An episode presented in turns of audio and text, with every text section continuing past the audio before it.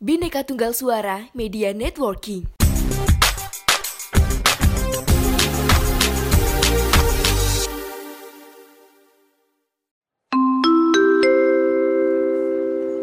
Mohon perhatian. Sekali lagi kami sampaikan, bikin podcast dengan Anchor dijamin gampang. Gak percaya? Langsung buktiin aja. Anchor, teman setia podcaster.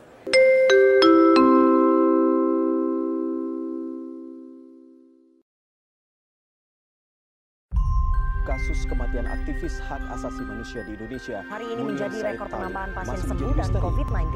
Utang Indonesia dari tahun ke tahun terus merangkak naik. Dosen dan aktivis Robertus Robert ditetapkan sebagai tersangka dalam kasus Isu kebangkitan Partai Komunis Indonesia kembali berembus jelang peringatan Hari Kesaktian Pancasila. History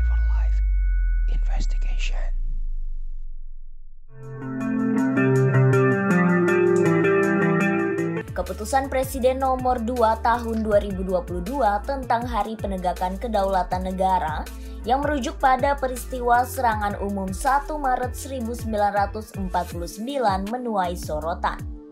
Pasalnya kepres itu tak mencantumkan nama Presiden Soeharto. Mahfud MD menilai kepres tersebut tak jauh berbeda dengan naskah proklamasi kemerdekaan Indonesia. Nah, sama dengan proklamasi kemerdekaan 17 Agustus 1945. Itu yang mendirikan negara nih banyak. Kalau bicara BPUPK, Badan Persiapan Penyelidik Usaha Persiapan Kemerdekaan Indonesia, itu jumlahnya 64 orang, 60 eh, anggota, lalu ada ketua, wakil ketua, eh, dan sebagainya. Nah, tapi hanya disebut dua orang proklamasinya, yaitu Soekarno-Hatta.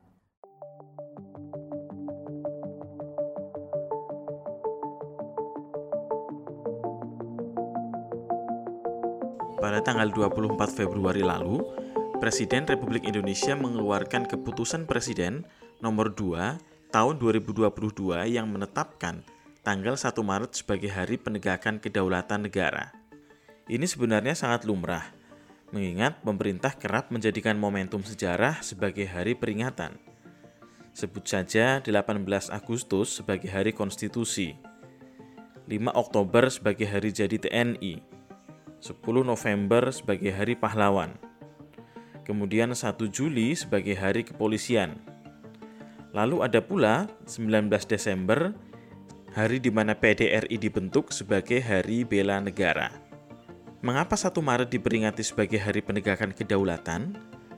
Keberadaan Kepres sebenarnya memberikan legitimasi tentang urgensi suatu peristiwa yang menunjukkan eksistensi dan kedaulatan negara Indonesia – yang dalam hal ini adalah peristiwa serangan umum 1 Maret tahun 1949. Peristiwa ini memiliki arti yang sangat strategis karena menunjukkan eksistensi Indonesia ketika pemimpin tertingginya yakni Soekarno-Hatta tengah ditawan oleh Belanda. Serangan umum 1 Maret ini sebenarnya merupakan satu fragmen dalam sejarah Indonesia di masa revolusi. Kemunculannya bukanlah tanpa sebab, pasti ada rangkaian peristiwa sebelumnya, yang paling dekat adalah agresi militer Belanda kedua pada bulan Desember 1948. Setelah itu, pemerintah darurat Republik Indonesia yang diketuai oleh Syafruddin Prawira berdiri di Bukit Tinggi, serta Soekarno dan Hatta diasingkan ke Bangka. Nah, dari sini Belanda melihat bahwa Indonesia itu sudah tidak ada. Namun, sepertinya Belanda lupa bahwa kekuatan Indonesia belumlah sirna gerakan gerilya masih terus berlanjut dan akhirnya terjadilah serangan umum pada 1 Maret tahun 1949 di kawasan Yogyakarta. Nah, serangan ini menjadi sebuah efek kejut. Tidak hanya bagi Belanda, tetapi bagi dunia internasional. Serangan ini menunjukkan kepada dunia internasional bahwa Indonesia masih memiliki eksistensi. Hal ini sangatlah penting, mengingat pada saat yang sama Indonesia juga tengah berjuang melalui jalur diplomasi di PBB. Posisi ini tentu saja berpengaruh terhadap bagaimana Dewan Keamanan PBB menyikapi tindakan Belanda atas Indonesia sebagai negara yang tengah mempertahankan kedaulatannya. Namun, keputusan ini memunculkan polemik di masyarakat. Polemik tentang kepres ini muncul di dalam konsiderannya, terutama di pasal C. Di dalamnya dituliskan bahwa serangan umum 1 Maret 1949 yang digagas oleh Sri Sultan Hamengkubuwono IX dan diperintahkan oleh Panglima Besar Jenderal Sudirman serta disetujui dan digerakkan oleh Presiden Soekarno dan Wakil Presiden Muhammad Hatta dan didukung oleh Tentara Nasional Indonesia, Kepolisian Negara Republik Indonesia, laskar-laskar perjuangan rakyat, dan segenap komponen bangsa Indonesia lainnya. Inilah yang memunculkan masalah karena berpotensi melahirkan bias sejarah. Ada penilaian mengapa nama-nama tersebut yang dimunculkan. Mengapa nama Soeharto tidak muncul? Mengapa justru nama Soekarno dan Hatta yang dimunculkan? Nah, dari sini saya menilai bahwa yang pertama, kepres ini merupakan suatu produk politik sehingga faktor kekuasaan sangatlah berperan. Secara kebijakan sebenarnya tidak ada yang salah, akan tetapi secara etika ada aspek yang sepertinya tidak diindahkan oleh pembuat kebijakan. Yang kedua, Kepres ini semestinya melihat bahwa serangan umum 1 Maret sebenarnya adalah sebuah kerja kolektif. Sehingga semestinya tetap melihat kontribusi dari seluruh aktor tanpa memperhatikan faktor like and dislike. Dan yang ketiga, sebagai kerja kolektif, tentulah tidak akan pernah tuntas untuk menuliskan tokoh demi tokoh secara keseluruhan. Oleh karena itu, semestinya di dalam konsideran tidak perlu mencantumkan nama-nama aktor secara tersurat, karena tentu saja berpotensi memunculkan bias. Nah, kemudian dari sini apa maknanya?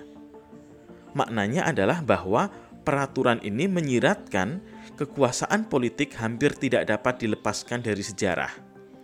Di satu sisi, kekuasaan politik tersebut masih melihat dari aspek like and dislike, sehingga sangat berpotensi memunculkan bias.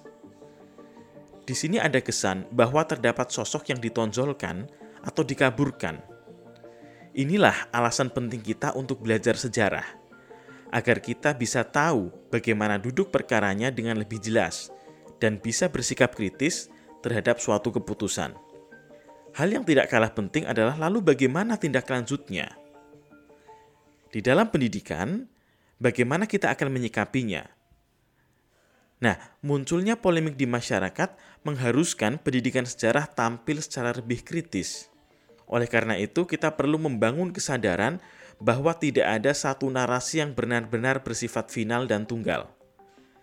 Kita juga perlu belajar dengan lebih menyeluruh tentang beragam historiografi yang ada, serta melihat sesuai dengan jiwa zamannya. Oleh karenanya, level belajar sejarah tidak hanya pada ranah pengetahuan faktual, konseptual maupun prosedural, tetapi juga pada ranah metakognitif.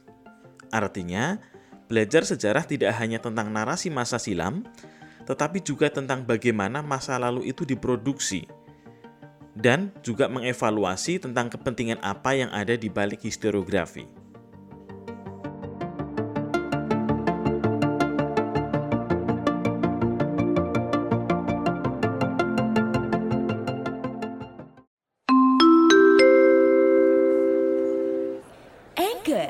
Teman setia podcaster.